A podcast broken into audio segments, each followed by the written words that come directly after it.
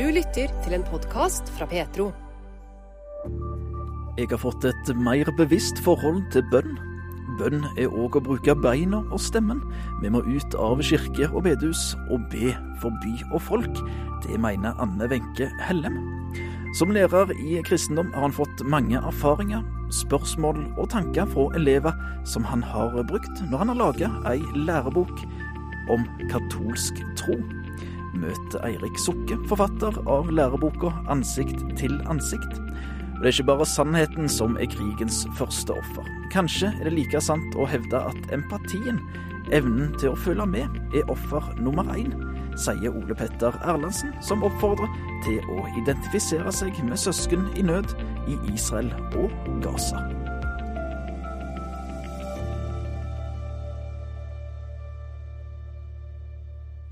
Dette er hovedsakene i Petro-uken oppsummert for uke 45, der du òg skal få refleksjoner fra Kari Margrethe Rensel Løvgren. Hun deler tanker med oss som hun baserer på søndagens prekentekst, som vi finner i Johannes evangeliet kapittel 6, versene 63 til 69. Vi skal starte denne utgaven av Petro-uken oppsummert med å snakke med Ole Petter Erlandsen. Over 1400 mennesker ble drept i Hamas sitt angrep på Israel 7. oktober. Etter en måneds krigføring sier de Hamas-kontrollerte helsemyndighetene på Gazastripen at over 10 000 mennesker har mista livet i israelske motangrep. I en slik situasjon er det naturlig å la seg engasjere, og gjerne ha sterke meninger til støtte for den ene eller den andre parten. Det er ikke bare sannheten som er krigens første offer. Kanskje er det like sant å hevde at empatien, evnen til å føle med, er offer nummer én. Det skriver Ole Petter Erlandsen i en kronikk på verdidebatt.no. Ja, nettopp fordi det blir eh, skarpe fronter, og vi holder med én part, vi syns dårlig om en annen part, og det gjør at vi fort kan tegne et fiendebilde som, som kanskje ikke er reelt. Og i skarpe fronter så har man lett for å tenke at eh, et liv tapt på den ene siden er fryktelig, mens et liv tapt på den andre siden kanskje er bra pga. de politiske målene blir så viktige. Men eh, det er viktig da å understreke at altså, Gud elsker alle mennesker. Og Gud sørger like mye over en, eh, en uh, araber som blir drept av en bombe, som av en jøde som blir drept av en terrorist. Det er, det er, eh, jeg husker da krigen mellom Ukraina og Russland begynte. Det var ikke tvil om hvem jeg holdt med. Men jeg bestemte meg for idet den begynte, at jeg skulle, jeg skulle stoppe å reflektere like mye over russiske liv som gikk tapt, som over ukrainske. Nå er ikke sikker jeg helt har klart det, men jeg, det sitter familier, det sitter mennesker som elsker de som blir drept på begge sider. En, en, tendens som jeg legger merke til hos meg sjøl og, og, hos andre òg, det er jo at en ofte er, er, mer villig til å unnskylde eller se gjennom fingrene med, med, feil på den siden en måtte ha mer sympati med, og, og mindre vilje da, til å gjøre det samme motsatt vei. Eh, kjenner du det igjen? Ja, definitivt. Vi har en jobb å gjøre hele tiden, tror jeg, på å elske sannheten. Altså selv om, det, selv om sannheten skulle være ting som, som ikke passer inn med, med, det bildet vi har, så, så, tror jeg vi, vi skal jobbe mot det. Altså, eh, grusomhet er grusomhet, drap er drap. At, at, at, man demoniserer en motstander, eller at man bare, bare, ser positive ting ett sted og bare negative ting et annet sted. Den tendensen tror jeg ligger i oss som mennesker. Og jeg tror også at Jesus kaller oss til å jobbe mot den. Men er ikke det lett for at eh, hva som faktisk da er rett og galt, eller eh, hvem som faktisk er skyldig eller uskyldig i hermetegn i, i, denne konflikten, blir litt vekke hvis vi ene og alene skal på en måte følge et humanitært spor i, i, hvordan vi tenker rundt det? Jo, det er veldig viktig at du sier det, for jeg tror man har forskjellige oppgaver og man kan ha forskjellige vinklinger, og det går an å ha to tanker i hodet på en gang. Jeg har mine tanker og meninger om, om konflikten der nede, men, men jeg sier at vi må også huske at det her sitter mennesker som er våre brødre og søstre på begge sider, som er uskyldige i hva som har skjedd, og som er redde. Ja, Du skriver òg at, at, det er lett å umenneskeliggjøre eh, onde handlinger. Eh, men så skriver du òg at problemet er at terrorhandlinger ikke er umenneskelige, men svært menneskelige. Mm. Hvor lett er det ikke å si at disse er ikke mennesker, disse er dyr pga. måten de oppfører seg på? Og hva skjer hvis vi sier at det er dyr eller monstre eller, eller, eller onde mennesker som står bak noe? Jo, da rettferdiggjør vi at vi kan ta igjen, at vi ikke viser empati tilbake igjen. Men problemet er jo at sånn er menneskene. Altså, det er mennesker som har gjort dette. her. Det er mennesker som har gjort terrorhandlingene. Det er mennesker som tar hevn. Og det er mennesker som gjør grusomme ting. Det er jo en del av det menneskesynet som Bibelen gir oss. Dette er handlinger som nettopp mennesker gjør. Dette er oss. Dette er ikke monstre. Motstanderne er ikke monstre, de er mennesker som oss. At, at vi, vi, er kapable til å, til å gjøre grusomme ting. Og nettopp derfor så kaller Gud oss til å gå en annen vei. Å elske. Gjøre godt mot våre fiender. Altså, alt det vi leser i Bibelen, som Jesus sier særlig, det, det går på tvers av hvordan vi egentlig har lyst til å tenke og handle. Så det er lett å mene i en sånn konflikt og liksom kjøre ut og si at ja, men det er rett og det er galt og sånn. ikke sant? Men, men så kommer Jesus og sier ja, men du skal elske dine fiender. Hvordan gjør vi det i en sånn situasjon? I kronikken din så bruker du et ord som, som kall, og da er vi jo inne på litt trosbasert språk. For, for, du mener altså at kristne mennesker har et særskilt ansvar i, når det gjelder de tingene vi prater om her? Jeg tror vi har et ansvar for å be og for å elske alle mennesker. Eh, at det er et kall. Jeg tror det er lurt å gå et par runder med seg selv. Altså jeg opplever at Når vi leser Bibelen, så, så leser vi det ofte for å få bekreftet våre egne holdninger og våre egne tanker. Og så er ikke Jesus sånn. Han er en som veldig utfordrer i måten vi tenker på, måten vi lever på. Så, så responsen på det som Jesus sier, er egentlig at vi skal, må falle ned på kne og si ok, jeg skjønner at mitt, mitt perspektiv er begrensa. Jeg skjønner at jeg, jeg, er fylt av hat og fordommer. Jeg er, eh, jeg er ikke sånn som jeg skal være. Jeg forholder meg ikke til denne konflikten sånn som, sånn som jeg trenger. Kom og gi meg dine tanker, Jesus Kristus, rundt dette her. Kom og hjelp meg til å være en som er helstøpt, og som, som, eh, som, som kan være din representant inn i denne verden. Altså hvordan, hvordan, hvordan ser Gud på de grusomhetene som skjer både på ene og andre siden, og hvordan kan vi be inn i den situasjonen? Og spesielt, sånn som jeg snakker her, hvordan kan vi be for de troende gruppene som fins på begge sider av en frontlinje som dette? Og nettopp det aspektet med Jesus-troende minoriteter, både på israelsk side og på Gazastripa, skal det handle mer om. Konflikten mellom Israel og Hamas, og dermed mellom jøder og palestinere, er blitt ytterligere tilspissa etter Hamas-angrepet 7. oktober. Men på begge sider finnes det minoriteter som er i krysspress, og som har én ting til felles trua på Jesus. Det finnes eh, kristne arabere både i Israel, på Vestbredden og i Gaza, og Jesus-troende jøder utgjør en liten, men voksende andel av befolkningen i Israel. Ole Petter Erlandsen er faglig leder i organisasjonen Åpne dører. Altså det som er spennende i en sånn situasjon, er jo at det kan drive troende mennesker sammen fordi man har noe som er dypere enn de andre konfliktene man har, nemlig man har troen på Jesus.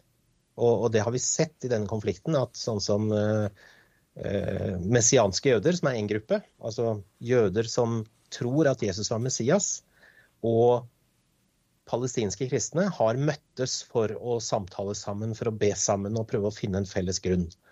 Man har på arabisk side både gamle arabiske grupper. altså Noen av dem er egentlig arameere og har vært kristne i, lenger enn de har vært i Norge. Man har vært kristne i 2000 år, men man snakker arabisk.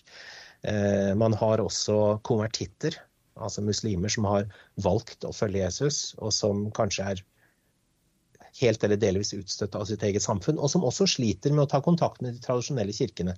Så, så dette er et komplisert lappeteppe, og enhet er vanskelig. Ja, for, for bare det å bruke begrepet kristne her kan være litt komplisert?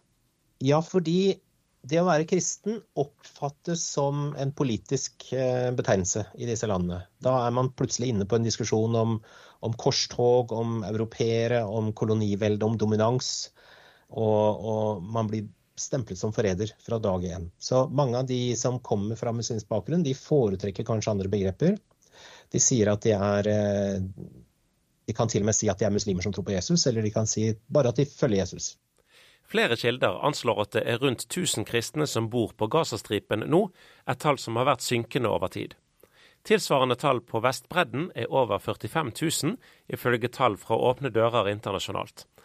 Antall Jesus-troende jøder i Israel antas å ligge et sted mellom 10 000 og 30 000, hvorav et flertall er førstegenerasjons troende. Det bor òg 185 000 kristne arabere i Israel, noe som utgjør 7% av den arabiske delen av befolkningen. Og de, de havner jo da en skvis mellom, eh, mellom Vesten, som ofte ikke ser på dem som, som ordentlig kristne, og, og, noen av dem har også problematisk forhold til Eller de fleste av dem kanskje har et problematisk, problematisk forhold til Israel. Og det gjør at de blir sett på litt sånn uh, med, med, et skjevt blikk. Mens blant sine egne så blir de sett på som vestlige agenter og, og kanskje forrædere. Ja, så det vil si at en, en står i kryssprester her, da, eh, faktisk? Ja, absolutt. Og, og, egentlig så gjør eh, messianske jøder gjør også det samme. Eh, selv om de ikke er så synlige der. Men de blir jo anklaget av sine egne for å ikke være ordentlige jøder. Dere i Åpne dører har jo kontakt både altså blant Jesus-troende på, på, begge sider her. Hva, hva, forteller de til dere eh, nå disse siste ukene? Det er, et, det er, et, rop om at vi må be. For det er, det er uskyldige mennesker som aldri har bedt om dette her, på, på alle sider. Så nevnte du i sted at eh, det altså i Israel har vært eh, møte mellom eh, en relativt stor gruppe Jesus-troende, både jøder og arabere, etter angrepet 7.10. Hvordan er det mulig, og hva snakker de om? Ja, jeg vet ikke hva de snakket om, men jeg antar at de har mye å snakke om og, og, og be sammen om å prøve å finne en slags felles grunn. Men det er klart, palestinske kristne i Israel, eller arabiske kristne, som de kanskje heller vil kalle seg, noen av dem, de har nok et annet forhold til nasjonen Israel, de er ofte israelske statsborgere, enn kristne på Vestbredden. Så dette var et møte mellom, mellom ulike troende grupper, Jesus-troende grupper i, i, Israel. Men de jobber for enhet, altså. Og de, og de, snakker ofte positivt om hverandre og ber for hverandre, men samtidig så har de kanskje ulikt politisk syn på en del, eller ulikt syn på en del av de tingene som hender. Det ville nok vært langt vanskeligere hvis du skulle hatt et tilsvarende hvis det hadde vært mulig da, på Vestbredden eller i Gaza. Det er kirker der som har kritisert Israel for hva de gjør, men uten å nevne terrorhandlingene til Hamas. Og det, det vanskeliggjør en samtale etterpå. Hvis jeg skal oppsummere litt eh, med fokus på, på hva, hva hvermannsen kan, kan, bidra med her positivt da, i en, en ellers mørk situasjon. Hva vil være din oppfordring til nordmenn generelt, og, og eh, kanskje kristne spesielt? Altså det å, det å, lytte til dem, det å vite at de er der, lytte til dem, høre hva de har å si, tror jeg er viktig. Det er viktig å, å be i, inn i den situasjonen. Altså be Gud om å ta vare på enkeltmennesker. Be Gud om å bevare de kristne gruppene. Be Gud om, om, om, om enhet blant dem. Be Gud være med i de samtalene som er. Eh, det, det, kan vi gjøre. Og så kan vi også eh, jobbe for enhet. Altså støtte dem som ønsker å snakke sammen. Eh, og, og samlet sett stå for at det denne regionen trenger, det er mer av Jesu budskap. Det er mer av, av å, å, tilgi og omvende seg. Det er løsningen både for for Israel og for Vestbredden og Gaza er egentlig å tilgi, omvende seg, søke Gud. Vi, vi, tror at evangeliet har en sprengkraft som ennå ikke har fått slå ut i full blomst. Åpne dører har jo prøver å jobbe litt på denne måten. Uh, og, og, og, tenke at altså, du kan ha en terrorist, men en terrorist er en potensiell bror eller søster i Kristus. Vi ser det på mange steder i verden at uh, de, som, de som har trodd på vold, og som har trodd på voldelige løsninger, de, de, bøyer kne på et eller annet tidspunkt og, og, og tar imot Jesus. Og broder Andreas, som stifta Åpne dører, han reiste jo ned til disse områdene. Han møtte lederne for Hamas. Han møtte Hizbollah, han møtte øh, islamsk hellig krig. Og, og lederne der, han ga dem bibler, og han sa at dette er det budskapet dere trenger. Viktigere enn å ha de i hermetegn riktige meningene om krigen i Israel og Gaza, er det å identifisere seg med trossøsken i nød, uansett hva side de måtte befinne seg på, sier Ole Petter Erlandsen. Jeg er jo en mann som i utgangspunktet syns det er viktig å mene. Jeg setter meg inn i ting og jeg ønsker å ha en mening om ting. Men så er det også noe med at vi, vi, er kalt til å stå sammen med brødre og søstre verden over. Og det kan også være brødre og søstre vi ikke er enige med nødvendigvis. Her finnes det brødre og søstre. Det finnes mennesker som bekjenner seg til Jesus Kristus på begge sider av, frontlinjen. Og at, at de må vi be for. Og de må vi lytte til.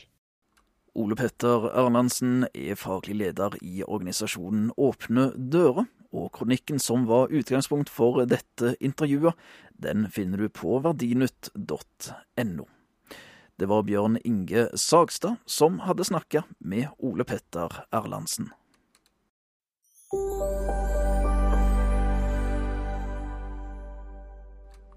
Ansikt til ansikt er ei historisk bok. For første gang er det skrevet ei lærebok om katolsk tro for videregående skole i Norge. Eirik Sukke er teolog og lærer ved St. Paul gymnas i Bergen. I 25 år har han jobba med å formidle kristendommen til ungdom, og erfaringen og kunnskapen han har fått som lærer, har han brukt når denne læreboka skulle skrives har liksom ikke funnet en skikkelig god bok. Enten det var liksom KRLE i offentlig skole, eller det var på St. Pauls skole her i Bergen. Som, eh, så det har liksom blitt mye sånn finne, finne opplegget sjøl. Og lage powerpointer eller les, bruke Bibelen og liksom et sånn miks av ting. Så nå tenkte jeg nei, nå, nå eh, er det kanskje på tide å, å skrive ned alle erfaringene mine. Og alt det jeg har tenkt på, og alt det vi, vi, har lært sammen med elevene om hvilke prosjekter som funker, og hvilke innfallsvinkler som funker. Og da mener jeg funker med at det skaper en begeistring. Ikke funker seg med at jeg vet resultatet av uh, hvordan de stiller seg til kristendommen, eller uh, sånn i etterkant. Men jeg har, har prøvd og feil, feila opp igjennom med liksom Hva er den beste måten å snakke med, med elevene med, eh, om, om, disse tingene her. Um, jeg tror jeg har kommet fram til et par eh, bra metoder. Og så, så, så, må det sies at grunnen til at den ble liksom til videregående, er fordi det ble, eh, St. Paul gymnas er jo et helt nytt, altså ti år gammelt eh, eh ti år gammel skole, som eh, ikke Som har et kristendomsfag, sant, som er obligatorisk, et programfag, men som selvfølgelig ikke har lærebok. Og skal det være programfag i videregående skole med muntlig eh, eksamen, tellende som liker med andre, så må de få en lærebok. Ja, så det var det som pusha det, pusha det gjennom. Så nå har du fått, eh, som lærer i dette faget, her, fått muligheten til, til å lage boka som du skal undervise ifra òg. Og på framsida så, så, får du ikke egentlig inntrykk av at dette er lærebok. Det står eh, boka tittelen 'Ansikt til ansikt', en bok om den katolske tro. Mm, det er bevisst at jeg ville ha den annerledes, at ikke den skulle være en type eh, katekisme eller en sånn hva skal man si, en klassisk akademisk tilnærming eh, til faget. Det, det, da måtte noen andre skrive den, på en måte. Eh, det er fordi jeg tror Jeg tror um, at jeg ville ha en litt mer undrende eller filosofisk tilnærming til troen for å ha elevene med, eller de som måtte lese den, da, ha, ta de med på en reise uten at du liksom skal enten være liksom veldig interessert i, i eh, hva som er læren til Den katolske kirke. Da, da, da, kan du lese en annen bok, på en måte. Så dette er mer sånn derre Ja, det er en, en, måte å se katolsk eh, kristendom på som, som, kan passe godt for, for eh, både barn, holdt jeg på å si, ungdom og, og voksne. Nettopp pga. den tilnærmingen. sant? Og jeg har litt troa på det, istedenfor bare at man skal liksom liste opp alt det som Kirken lærer, og alt det som Kirken er, i en sånn type, et sånt format. Altså, det, nei, jeg har ikke noe særlig troa på det. Jeg må finne en annen måte å, å komme inn. Et annet innsteg som er mer inviterende, og som er mer alle kan, alle kan slenge seg på, uten at det liksom faller av på første, på første side fordi språket er enten på en måte for teologisk eller, eller akademisk. Denne måten å se kristendommen på er jo for alle. Ikke bare for en 16-åring, på en måte. Det er for en voksen, det. Å undre seg over livet og meningen, og hva i all verden skal jeg gjøre her med denne tilmålte tiden? Og er det noe mer enn bare det vi ser? Er det noe bakenfor? Eh, og hvem er denne Gud, hvis Gud fins? Hvem er denne Gud, og hvem hva sier Bibelen, og hva sier Kirken på en måte om, om hvem Gud er, og hva det, var, hva det, vil si å være et menneske. Nå har du jobba som lærer i, i eh, videregående skole, og du, du, er blitt kjent med elevene og måten de unge tenker. Eh, når du nå jobber med dette her, eh, hva, hva, er det de unge tenker om, eh, om tru? Eh, hva, hva, er det du har lært i, i dette arbeidet som du har holdt på med nå? Mesteparten, altså flertallet, derimot liker veldig godt diskusjon. Aldri møtt eller hatt en klasse hvor de sier 'nei, vi liker ikke å diskutere', eller 'vi liker ikke'. Det er bare snakk opp, del inn, diskuter, kast opp spørsmål. De elsker det, sant. Det er ikke bare fordi at da går timen, så slipper de å holde på med det. Men Ungdom liker å diskutere, liker å filosofere, til en viss grad. Noen blir selvfølgelig lei av meg når jeg pusher og pusher og pusher. Det er jo noe slitsomt med en sånn sokratisk metode som, som jeg har i boka der, sant? fordi du graver og graver og graver og graver. Men jeg tror det er veldig viktig, og jeg tror uh, de liker den måten. De liker den tilnærmingen. Og det er litt sånn, altså Jeg vokste opp i et kristent hjem, men jeg fikk aldri kristendommen pressa ned i halsen på meg. sant? Altså Det var frivillig. Det var bare noe naturlig, noe vi gjorde. Altså om vi ba kveldsbønn eller, eller gikk i kirka jevnt og trutt, eller liksom Jeg husker jeg ikke fikk lov til å banne. Sånne småting. Men ellers var det jo veldig, veldig naturlig måte. Aldri liksom at kristendom hadde stått i veien. Eller mamma og pappas kristendom har stått liksom i veien, er blitt en, en blokk eller en hindring for meg. Det, sånn tenker jeg det er veldig viktig å ha som tilnærming. Sant? Det er ikke indoktrinering i trossannheter. Det er eh, å, å, å, hente de fram, nettopp fordi, vi, fordi jeg tror, og, og, Kirken også tror, at i mennesket så bor det jo en lengsel etter Gud. Lengsel etter det gode, lengsel etter det som er sant, og det som er skjønt. Og da er det sokratiske det, måten å hente det fram i, gjennom samtale, gjennom diskusjon, gjennom undring. Det, altså det er én Eirik Sukke jobber som lærer ved St. Paul gymnas i Bergen, og er forfatter av læreboka Ansikt til ansikt om katolsk tro. Denne katolske tro har en 2000 år gammel historie. Apostelen Peter ble den første biskop i Roma, som da var verdens største by. Det er en stor historie Eirik Sukke gir oss innblikk i i denne nye læreboka. Det er jo et enormt ambisiøst prosjekt, altså. Det er jo for mye å si. Det er, tenk om du tenker deg hvor mange bibliotek det fins om tro og teologi og alle bibelversene og, og all liturgien og hele kirkens tradisjon i 2000 år. sant? Det er enormt. Nei, så hva er viktig å hente fram? Det er jo um, Det er jo fortellingene, da. Det er jo bibelfortellingene. sant? Vi alle er jo på en måte Det går an å se på livet ditt som en fortelling.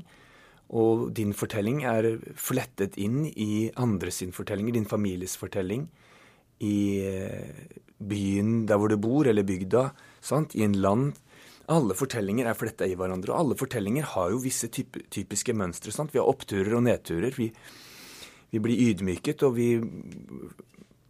vi blir eh, løftet opp. Altså, vi har lengsler og, og drømmer og strever etter å bli likt og anerkjent og respektert og, og, elsket. Så det er jo noe felles også med de fortellingene våre.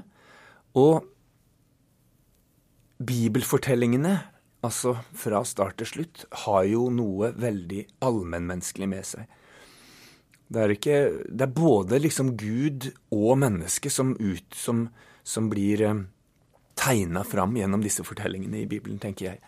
Og hele Bibelen er jo, kan vi vel si, er en slags kjærlighetshistorie. Sant? Om, om eh, et, et, kjærlighetsdrama mellom Gud og menneske. Gjennom, fra start, sant, med Adam og Eva skapt i Guds bilde. Som gjør opprør og bryter ut og kommer bort fra, kommer bort fra Gud. Og hele, gjennom hele Gamle testamentet er liksom fram og tilbake i, i sin relasjon til Gud. Og som Gud hele tida sier, kom hjem. Kom hjem. Kom tilbake. Det går an å gjenkjenne seg både for, for, disse ungdommene og for oss voksne i alle disse karakterene som blir presentert, for de, de ligner litt på oss. Sant? Det er ikke, det er ikke noen fullkomne karakterer her. De har liksom en brist i, i personligheten sin. De, de som oss. Enten det er Moses eller Abraham eller, eller kong David, ikke minst, sant? som er jo liksom idealkongen. Men det er han som forgriper seg. Aristotes sier at den tragiske helten er jo ikke fordi han er pur ond, eh, eller fordi han er bare god og rettferdig, en sånn superhelt. Nei, det er nettopp fordi han har i seg en type en feil, en svakhet. Det er, noe, det er en brist eller en, noe off med, med, karakteren hans. Det er jo det som gjør på en måte at drama drives framover. Det er jo det som er spennende. Det er derfor vi følger med på serier og, og fortellinger og, og, leser disse fortellingene. For det, det, det, er noe på spill. Hva, hva, hva, kommer han til å gjøre nå, liksom? Og når jeg leser i Gamletestamentet, så er det, så er det så vet jeg hva er det som skjer. Men liksom, hva, det, ja, hva, hva, gjør Gud nå? Det er nesten som det er et sånt overraskelsesmoment. Og også med den karakteren. Ja, hva kommer han til å gjøre nå? Er det å omvende seg og vende tilbake til Gud, eller er det å vende ryggen til? Sånn? Så det er jo bibelhistorienes kraft, som jeg tenker at elevene og ungdommen, men også vi, kan kjenne oss igjen i eh, gjennom narrativen. Sant? Og hva er den beste fortellingen altså der ute, hvis du tenker på alle Hva er den beste fortellingen om hvorfor vi er her, og, og hvorfor alt er til, og hvorfor vi lever? Nei, en måte å se det på er at det er en stor kjærlighetsfortelling, rett og slett. Mellom Gud og menneske. I boka di så, så, er du innom en eh, bibelfortelling. Eh, det er Jesus som, eh, som forteller denne historien. her. Vi skal til Lukas evangeliet kapittel 15. Det er en historie som har påvirka mennesket, sier Jesus fortalte han. Og kunsten har òg blitt påvirka av denne historien. Det er jo mange lag i denne historien her. Mm. Men hva, hva, er grunnen til at du valgte å ta den med i denne læreboka di? Jeg har, brukt den siden, uh, siden konfirmantundervisninga i Uraneborg kirke i Oslo for 20 år siden. Nei, da var den uh, uh, Alle gode ideer kommer fra noen andre. Sant? Så det var en venn av meg, Eskil, som vi hadde konfirmantopplegg sammen. Og da hadde vi denne fortellingen som ramme egentlig for hele undervisningen. Og hva er det denne fortellingen har med seg? Den har egentlig med seg hele, hele bibelske narrativen, altså fra skapelse til full fullendelse, altså til paradis. Så den, den har Begynner hjemme hos Faderen, som Adam og Eva gjorde, de første menneskene. Så kommer opprøret, sant? hvor man bryter ut. Eh, av en eller annen grunn, det er litt uvisst i denne fortellingen om det har vært noe krangling, eh, om det har vært vondt for han å være der, eller om det er bare menneskets eh, opprør, sant? I opprørske natur, som vil bryte ut. Selv om man har det bra, så vil man ut. Er det noe naturlig med det, at denne sønnen reiser ut? Men altså mennesker som gjør opprør, mennesker som kommer bort fra Faderen, eh, omvendelsen, veien tilbake og hjemme hos Faderen igjen. Så dette liksom mønsteret er Gå gjennom i hele Bibelen, sant? Eh, denne her er, her er det mye for elevene å snakke om, sant? Fordi hvilke verdier er det de får med seg hjemmefra? Foreldrene. Har de gjort opprør? Hva slags opprør er det de gjør? Er det bevisst sine opprør? Er det ubevisste opprør? Hvorfor smeller man med døra? Hvorfor bryter man med det foreldrene sier? Så dette er jo en, en, en undrende tilnærming til hva i all verden som er, bor i mennesket. Hva er det som bor i de? Hva, jeg stilt liksom sånne spørsmål. Hva er ja, borte fra Hvordan kunne du kommet lengst mulig bort fra foreldrene dine og de verdiene og den arven du har fått? Og har du slutta Er det noe du har er det noe du har gjort før som var negativt, som du har slutta med? Altså en type omvendelse. sant? Da snakker vi jo ikke om en religiøs omvendelse. Kan gjøre det òg, men også hva er det med omvendelsen? Å skifte mening, å skifte sinn, å forandre seg, å komme til seg selv. Uh, og hva, man, hva, hva, skjer når man skjønner at man er helt ute å kjøre? Da krever det å ha mot da, til å reise seg opp. sant? Apropos, ikke sant, når du står på vendepunktet, og du skjønner, innser at du har uh, dumma deg ut, ja, da, da må du stå for det. Og det er jo denne sønnen gjør i denne fortellingen. sant? Reiser seg opp. Så når han kommer hjem til faren da, så er han på en måte Er han på en måte ferdig Da er han ferdig rensa, da, for å bruke katolsk ord. Ja, men er det Måten du forteller nå, er det det som gjør at du har holdt ut uh, i læreryrket og fortalt uh, troshistorie, og, og, og, nå uh, ute med lærebok om den katolske tro, og, som òg er en troshistorie? Jeg personlig får jo eh, altså ingen større glede enn å når det er en, liksom en, bra, en bra time hvor vi snakker om seriøse ting med unge mennesker. Enten det er om tro, om, om sånne ting som vi snakka, eller hvordan de kan eh, reise seg opp og få mot til å i livene sine. Og det skjer av rammen av bibelfortellinger, eller at vi er i en kirke og ser på kunst, eller at, vi, at de får noe ut av å feire en messe. Eirik Sukke er forfatter av læreboka Ansikt til ansikt, ei bok om katolsk tro. Dette er ei lærebok for videregående skole, men aktuell for alle kristne, nysgjerrige og undrende mennesker. Eirik Sukke jobber som lærer ved St. Paul gymnas i Bergen. Intervjuer var Bjørn Steinar Haugland. Petro har mange ulike podkaster og serier. Samlivsskolen gir råd og tips til par. I Pastoren og Journalisten prøver vi å finne ut hvorfor mange unge forlater menigheten i overgangen til voksenlivet. Og i Petro-gjesten får du høre livs- og troshistorien til en lang rekke spennende mennesker. Ekte og ærlig. Du finner alt i Petro-appen, på petro.no, eller der du ellers lytter til podkaster. I Sandnes i Rogaland har de nå i fem år gått bønne- og velsignelsesvandring i november måned. Dette er et tverrkirkelig initiativ, og Anne Wenche Hellem forteller dette om hvordan det hele starta. Det starta for fem og et halvt år siden på Fredheim Arena. Da var det noen av den eldre garden som var sammen i bønn. Og så ble det etterlyst et sånt felles bønnesamling for hele byen. De hadde lyst til å be sammen med andre menigheter. Og så tok jeg kontakt, siden jeg leder den gruppa, med forskjellige menigheter. Så blei det en gruppe som møttes, og vi ba sammen og lytta og spurte Gud hva vil du med dette? Og så kom da tanken opp med å gå bønn- og velsignelsesvandring i Sandnes. Du sa til meg før vi gikk på at det er forskjell på å velsigne, be og takke. Dere bruker alle disse tre begrepene i dette her. Ja. Kan du si litt om hva du tenker forskjellen? Når vi går ut i byen, så er vi jo veldig glad i byen vår. Og den vi er glad i, så vil vi jo den det beste. Når vi vil noen det beste, så, så velsigner vi de. Og så har vi jo veldig mye å være glad for og takknemlig for i byen vår, og da kan vi gå rundt og takke for det. Og så er det mange behov, og så ber vi for det. Og litt det der med, med å, Når vi går sånn og skal holde på lenge, så er det jo veldig godt å ha et positivt eh, innsteg, sånn at det ikke det blir så tungt. Har vi både takknemlighet og velsignelse som en bærebjelke, så, så er det lettere å holde ut lenge. Det er iallfall vår og min erfaring. Ja. Du, du, hva ber dere for når dere går rundt sånn, da? Ja, da går vi rundt i gatene, og så ber vi for butikkene. Vi går ned til rådhuset, ber for det. Det er noen som har gått på Ruten. Den har vi gått på i over fem år og bedt, og der har vi gått og bedt om at Gud må dette bli en plass for familier. Det er busstasjon og Busstasjon og, mm. og, og, og togstasjon. Mm. For der har det vært en stor parkeringsplass og mye uro. Så der har vi, har vi, gått mye. Vi går på, på, skolene som er i sentrum, vi går til politiet. Ja, folk og alt. Alt vi kommer på. Og rusomsorgen og helsevesen. Og. Så vi går rundt omkring. Hvorfor tenker du at det er viktig å gjøre sånn? Be og velsigne byen? Nei, men Det står jo noe om det i Salmors ordspråk, at når de rettskafne velsigner, blir byen bygd opp. Mm. Det står i ordspråkene 11.11. Og Jeremia han sier i 29.7.: Dere skal fremme fred for den byen som jeg har ført dere til i eksil, og be til Herren for den. For når den har fred, har også dere fred. Ja. Så det er liksom Det er jo basert på hva, hva Guds ord Det er veldig bibelsk. Og så tenker jeg det at det, det, er en måte vi kan gjøre noe godt for byen vår, da. Være med å be og bære den i bønn, da.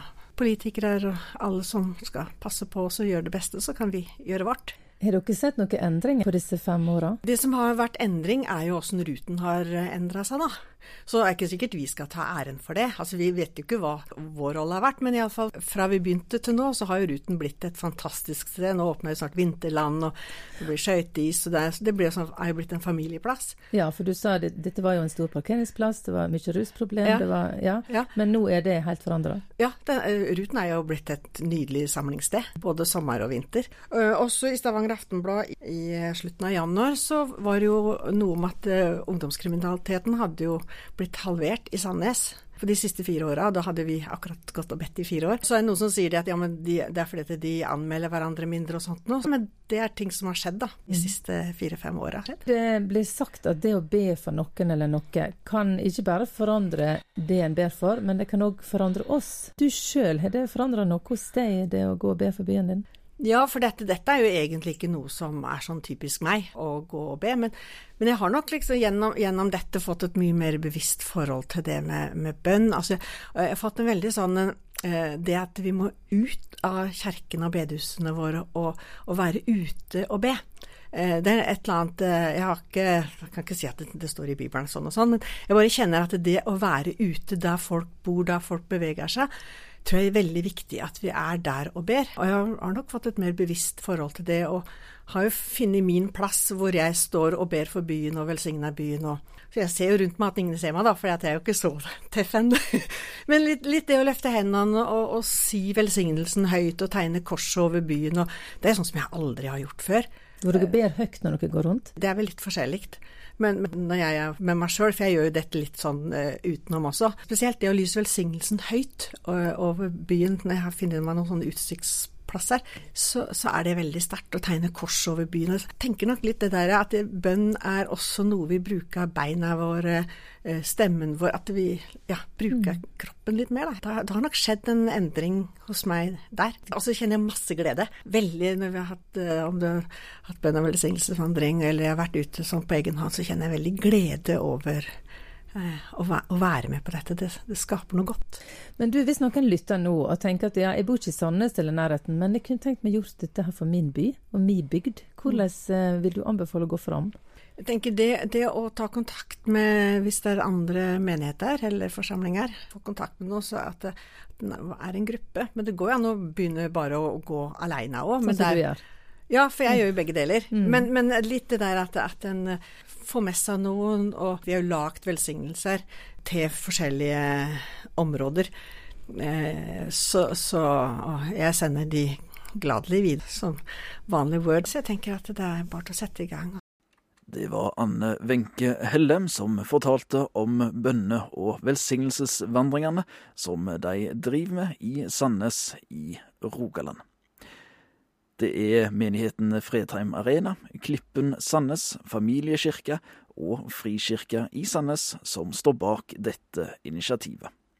Det var Anne Birgitte Lillebø Bø som hadde snakka med Anne Wenche Hellem.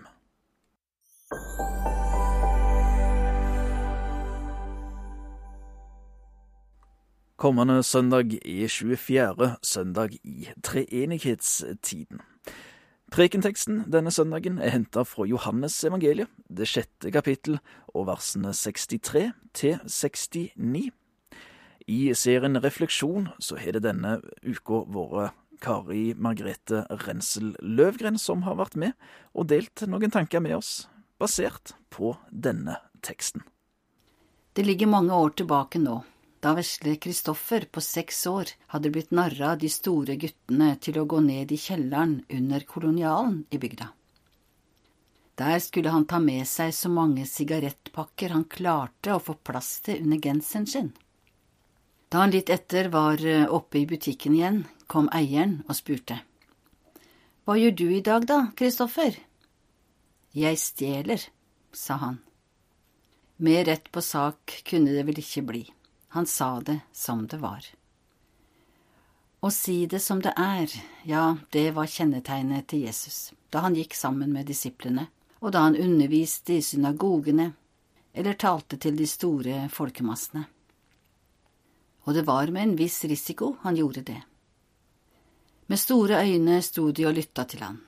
Noen ble vilt begeistra, andre rista på hodet, og mange, kan vi lese, tok anstøt av det han sa, og forlot ham. Det er så trist å lese om akkurat det. Kunne de ikke bare ha venta litt, sett om det likevel var noe for dem, før de felte sin dom og gikk sin vei? Nå i forkanten av teksten til kommende søndag er vi vitne til en svært tilspissa situasjon. Igjen hadde Jesus undervist i synagogen, der han utfordrende og rett på sak hadde fortalt at han var sendt av Gud, og at han var livets brød, og sagt at den som eter dette brødet, skal leve til evig tid. Og med dette brødet mente han sin egen kropp. Menneskelig sett var det så klart ikke lett å forstå dette et brød fra himmelen som skulle gi liv til verden, og til og med gi evig liv, om de ville ete dette brødet. Sannheten kan utfordre, men endret Jesus sitt budskap av den grunn?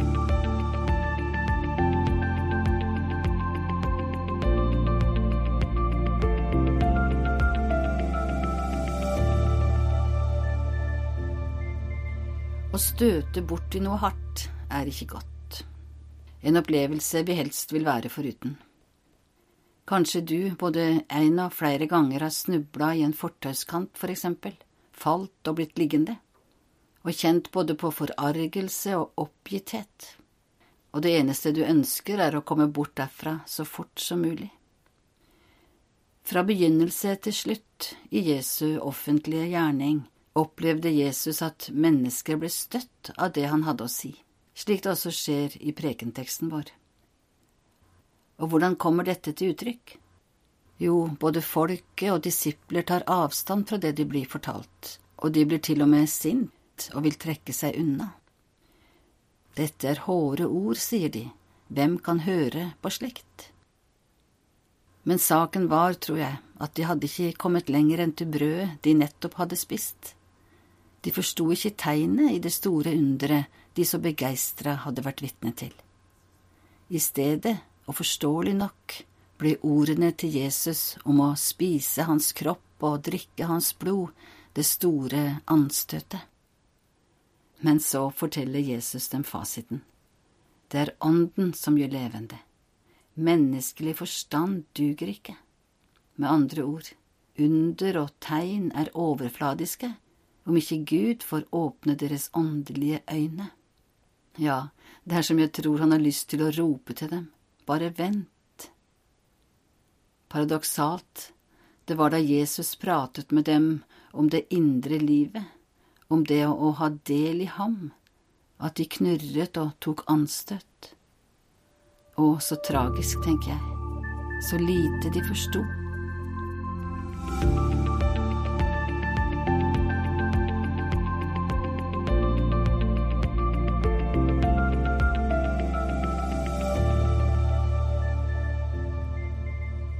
Det hadde vært en lang dag med mye nerve og dramatikk, og nå hadde Jesus akkurat opplevd at flere av de som fulgte ham på veien, ikke lenger ville gå sammen med ham. Der og da hadde de bestemt seg. Budskapet ble for kontroversielt. I bibelteksten for kommende søndag fra Johannes kapittel seks leser vi så at Jesus vender seg til den lille flokken som står rundt ham de som utgjorde de aller nærmeste medarbeiderne, og spør rett ut, Hva med dere, vil dere også gå bort fra meg? De ser på hverandre, hvem skal svare? Peter er ikke den som nøler. Nei, Jesus, sier han, vi blir hos deg, hvem skulle vi ellers gå til? Det er ingen andre alternativer. Hva er det som holder han igjen hos mesteren sin? Jo, det handler om åpenbaringen av hvem Jesus er. Bare du, Jesus, har livets ord. Det er deg vi tror på. Ja, faktisk vet vi at du er Guds selje, Guds Messias. Og kanskje hadde han lyst til å legge til, vi vet det i hjertet. Salige Peter, tenker jeg. Han ville forbli hos Jesus fordi Den hellige ånd hadde overbevist han om veien til far. Og denne veien så han ingen grunn til å forlate. Han gikk jo tett sammen med han som var selve veien, og hadde gjort det over lang tid. Kanskje derfor en så avgjort erkjennelse? Om Jesus spurte deg i dag, ville han fått det samme svaret som Peter ga.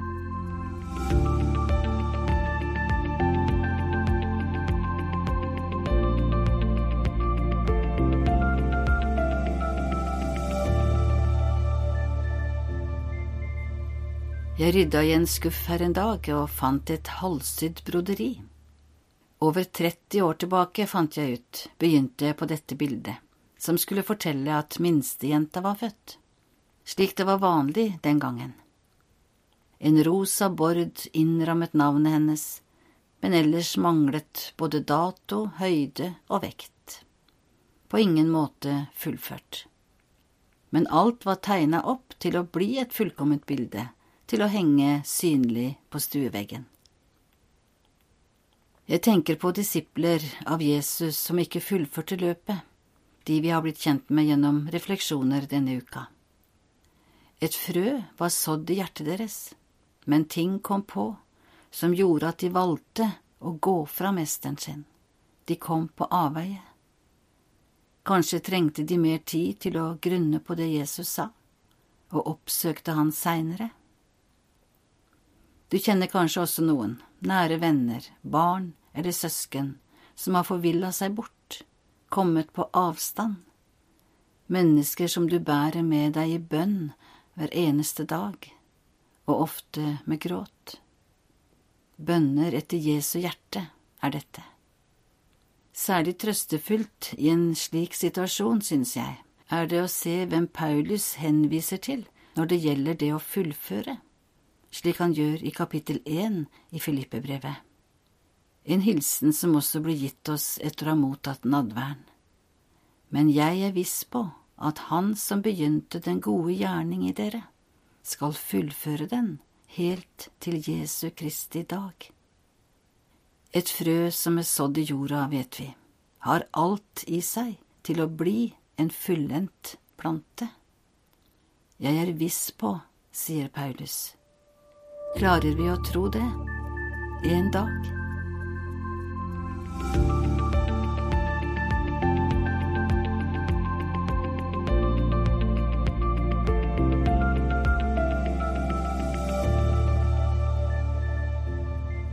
Hvem har du med deg på veien? Sorgen og gleden, de vandrer til hope, sa de gamle. Er det noen forandring på det? Nei, så visst ikke. Livet, blir det sagt, kan sammenlignes med at du er på vandring. Det kan være steinete og trangt, veistykker som er lette å gå, eller du må forsere krevende fjelltopper. Men hvem går du sammen med på denne vandringen? Du har gjerne kjørt i kolonne for eksempel en vinterdag på fjellet. Foran alle bilene står en ledebil, og synlig på taket lyser skiltet Følg meg. Kjente ord fra evangeliene, det der. Det var akkurat disse to orda som betydde den store forskjellen for mennesker Jesus møtte. For dem som valgte Han de forsto var Guds hellige. Noen ganger kosta det virkelig for disiplene å følge mesteren sin, men her var de på den seirende side, i oppturer og nedturer. Ja, hvem ellers skulle de gå til? spurte de han. Han var jo lyset deres. Han var trøsteren, veilederen og det største av alt, frelseren.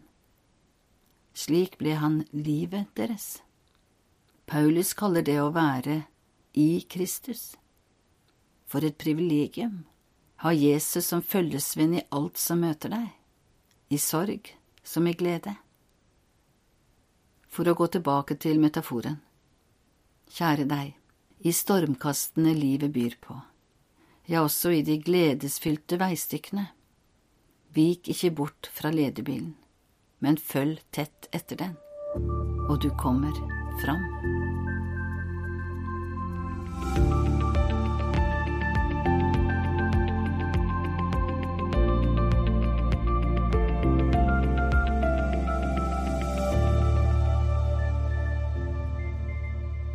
Kari Margrethe Rensel Løvgren har denne uka delt tanker med oss i serien Refleksjon. Og teksten som var utgangspunkt for eh, disse refleksjonene, den finner du i Johannes evangeliet kapittel 6, versene 63 til 69. Du har lyttet til en podkast fra Petro. Du finner mer i Petro-appen, på petro.no, eller der du ellers lytter til podkaster.